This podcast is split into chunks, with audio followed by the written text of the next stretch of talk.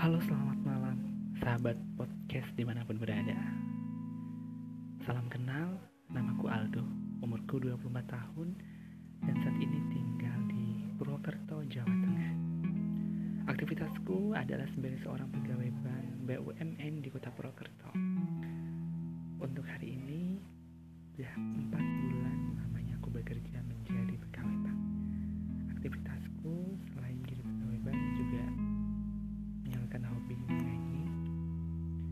juga melakukan hobi menulis di blog maupun menulis catatan harian sendiri.